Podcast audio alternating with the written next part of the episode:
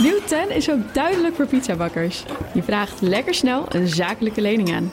Net zo snel als dat ik mijn pizza's bezorg. Duidelijk voor ondernemers. Nieuw 10. Je doelen dichterbij. Een initiatief van ABN AMRO. Een goedemorgen van het FD. Ik ben Paulien Swuster en het is dinsdag 12 september. Thuiswerken wordt waarschijnlijk een recht. Het is fijn dat dat recht er straks is.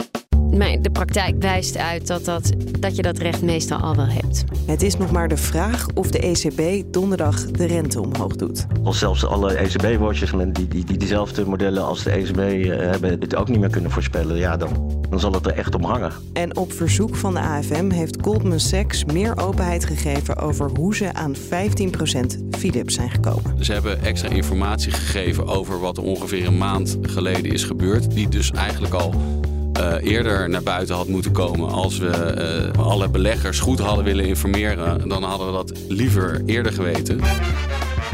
Dit is de dagkoers van het FD. Zo'n maand geleden had de Italiaanse investeerder Exor opeens 15% Philips in handen. Wat iedereen deed afvragen hoe dat gebeurd kon zijn zonder dat iemand het wist. De autoriteit Financiële Markten heeft de afgelopen weken de transacties geanalyseerd en nu geeft Goldman Sachs, de zakenbank achter de deal, meer openheid op verzoek van de AFM. Je hoort Zuidas-redacteur Matthijs Rotteveel. Exor had opeens 15% in Philips. En uh, gewoonlijk moet je altijd melden als je zo'n belang in een beursgenoteerd bedrijf opbouwt. 3% en dan gaat steeds meer en meer uh, hoger. Moet je gewoon telkens doorgeven. En nu van de een op andere dag, bang, had Exor 14% in Philips. Iedereen vroeg zich af, ja, hoe kan dat nou? Nou, vragen stellen komt steeds, nou, komt af en toe iets van informatie over naar buiten, maar uh, het was nog niet heel veel. En even voor mijn begrip, waarom moet je melden op die verschillende drempels? Wat is de functie daarvan? Nou, de functie is dat andere marktpartijen weten wat er gebeurt met een bepaald bedrijf.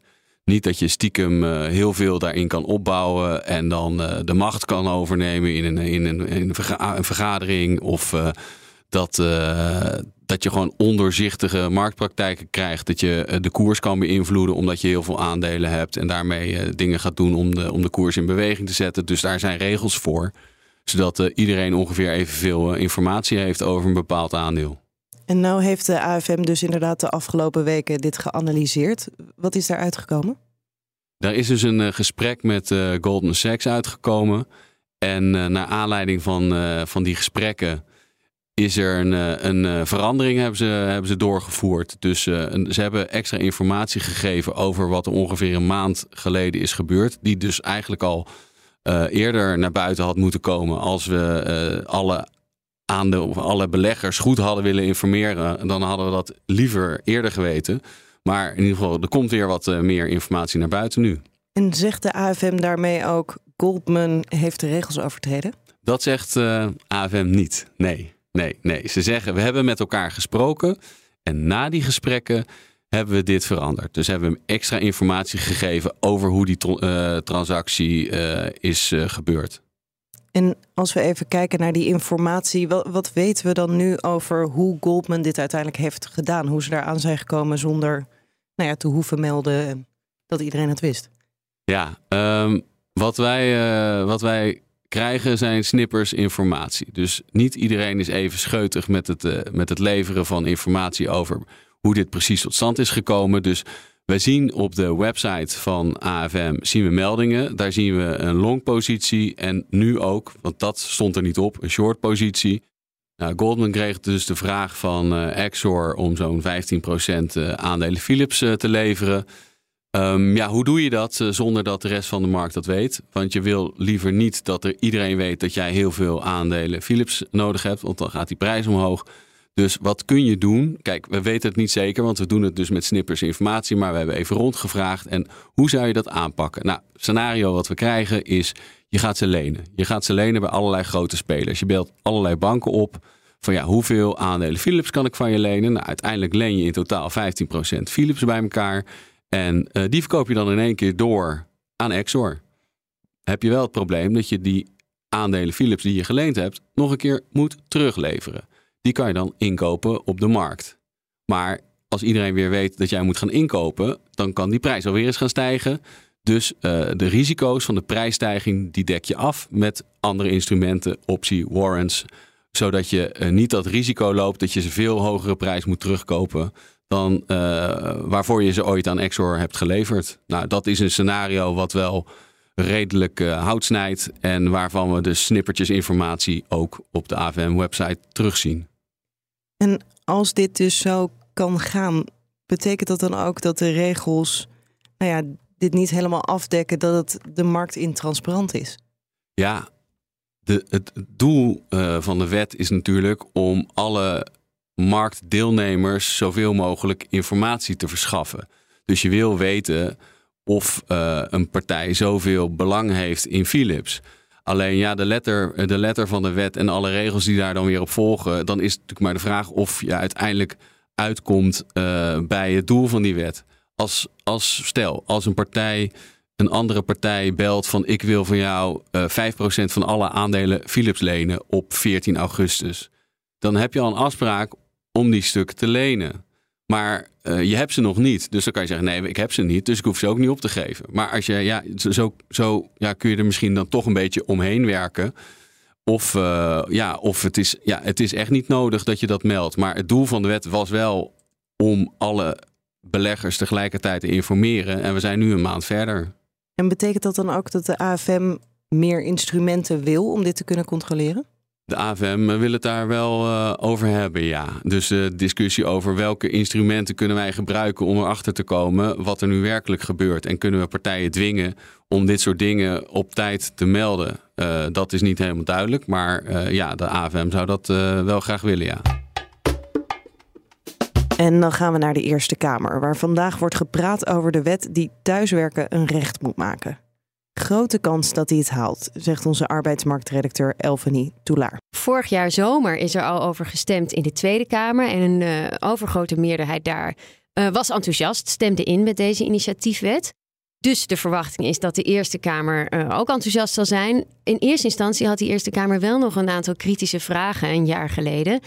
En moesten die initiatiefnemers, twee Tweede Kamerleden, die eh, werden teruggestuurd eh, naar de tekentafel. Want die kregen dus allerlei eh, kritische vragen om daar nog eventjes naar te kijken. En nu wordt het dus weer besproken. En waar zaten die kritische vragen op? Nou, de angst was heel erg dat uh, werkgevers straks geen poop meer op te staan hadden. Dat als werknemers zeiden van uh, baas, ik wil thuiswerken. Dat ze dan dat recht konden opeisen ten koste van het bedrijfsbelang.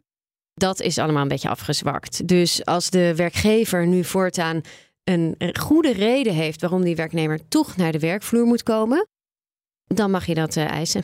En de wet heet uh, werken waar je wilt. Betekent dat dan dat ik overal dan zou kunnen gaan zitten als je het recht hebt op thuiswerken? Ja, zo klinkt het. Hè? Je hoopt meteen op allerlei workations, uh, op allerlei tropische eilanden bijvoorbeeld. Maar nee, dat is niet zo. Het is, je hebt het recht om thuis te werken. En dat is zo omdat de werkgever ook verantwoordelijkheid, ook verantwoordelijk is voor een goede werkplek. En ja, die kun jij op het koffietentje in het koffietentje op de hoek natuurlijk niet inrichten. Dus thuis mag je werken, mits je daar een goede werkplek hebt. En daarbij moet, je, moet de werkgever je dan ook een beetje helpen. En uh, vooral aan het begin van heel veel thuiswerken waren bedrijven. Nee, die maakten zich druk over of mensen wel hard zouden werken ja. uh, thuis. Hoe, hoe staat dat er nu voor? Hoe staan zij er nu in? Nou, er zijn allerlei onderzoeken geweest. Want die angst was inderdaad heel groot. Arbeidsrechtadvocaten kregen ook allerlei vragen van hoe krijg ik mijn personeel terug naar kantoor? Het is hier zo stil. En uh, wat doet dat niet alleen met de productiviteit, maar ook met de bedrijfscultuur? Er lopen nog grote onderzoeken, maar onderzoeken die al zijn afgerond, onder andere van de Maastricht University, wijzen toch wel uit dat mensen die thuiswerken over het algemeen niet minder productief zijn dan mensen die op de werkvloer zijn. En je spreekt natuurlijk als arbeidsmarktredacteur heel veel uh, bedrijven. Wat zijn een beetje de trends? Hoe is de verdeling? Ja, ik spreek regelmatig uh, uh, werkgevers en die zijn hier ook nog steeds mee bezig. Maar nu, zo lang na corona, merk je wel dat er een soort modus operandi is gevonden. Waarin werknemers over het algemeen, ik denk ongeveer de helft van de tijd, twee, drie dagen naar kantoor of naar de bedrijfs, naar de werkvloer komen. Ehm, meestal op dinsdag en donderdag natuurlijk. Ik bedoel, luister naar het verkeersbericht en dan uh, is dat al meteen duidelijk. En, uh, maar ja, daar wordt, dat is maatwerk en daar worden duidelijke afspraken over gemaakt. En ook als ik die arbeidsrechtadvocaten spreek, ja, die krijgen nu veel minder vragen. Want wat blijkt, ja, in de praktijk kristalliseert het eigenlijk wel goed uit en wordt het gesprek gewoon goed daarover gevoerd. Hebben die wet dan nog wel nodig? Ook daarover zijn de meningen verdeeld. Toen hij kwam was dat natuurlijk een hot topic. Want ja, iedereen wilde thuiswerken. En nu, nou ja, het is fijn dat dat recht er straks is. Maar de praktijk wijst uit dat, dat, dat je dat recht meestal al wel hebt. En tot slot de ECB. Donderdag is er weer een rentebesluit. En tot voor kort was de verwachting: de rente gaat nog wat omhoog. Nu zijn analisten verdeeld. Ik vraag onze ECB-watcher Joost van Kuppenveld wat er veranderd is. voornamelijk de cijfers die uh, binnengekomen zijn, uh, waardoor de analisten het kennelijk ook niet meer weten. Want wat, maar wat eigenlijk doorslaggevend zal gaan worden, zijn de nieuwe macro-economische prognoses. Die komen elke drie maanden. En die voorspellen dan het verloop van de economie op de middellange termijn. En als daar dan uitrolt dat eind 2025 de inflatie nog boven de doelstelling van 2% ligt, kan de ECB eigenlijk niet anders dan de rente nog een keer verhogen. Dat zou natuurlijk ook in oktober kunnen gebeuren. Dus nu op pauze en als compromis doen we dan oktober. Maar dan zijn er geen nieuwe prognoses. En dus eigenlijk niet in lijn met de uitspraak van de ECB dat ze data-afhankelijk beleid maken. En die nieuwe prognoses die komen dan vlak voor donderdag of donderdag zelf? Die komen donderdag zelf tegelijk met het besluit. En als we de argumenten even voor en tegen uh, doornemen, als eerst, waarom zou je de, wel de rente nu verhogen? Nou ja, de inflatie blijft hoog. Gisteren waren er ook prognoses van de uh, Europese Commissie. En die heeft ook de inflatieverwachtingen naar boven bijgesteld.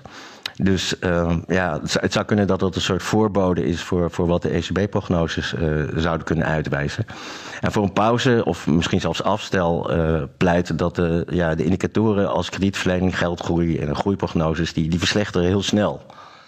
En ja, dan zou je kunnen kiezen om het, om het nog even aan te zien van, want ja, de boel de recessie in verhogen, schiet, schieten we ook niks meer op. Als we dit zo bij elkaar uh, pakken, namelijk eigenlijk weten de analisten het dus ook niet wat ze gaan doen en wat ze moeten doen. Heeft de ECB dan genoeg informatie straks om een goede keuze te maken? Ja, nou, nou eigenlijk niet. Eigenlijk zou, zou je willen uh, dat, ze, dat ze verder vooruit kijken. Maar goed, als, als zelfs alle ECB-watchers die, die, die diezelfde modellen als de ECB uh, hebben het ook, het ook niet meer kunnen voorspellen, ja, dan, dan zal het er echt om hangen.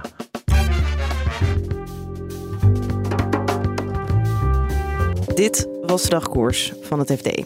Je kunt het laatste financieel-economisch nieuws volgen op fd.nl en in de app. Dagkoers volg je door je op ons te abonneren in je podcast-app.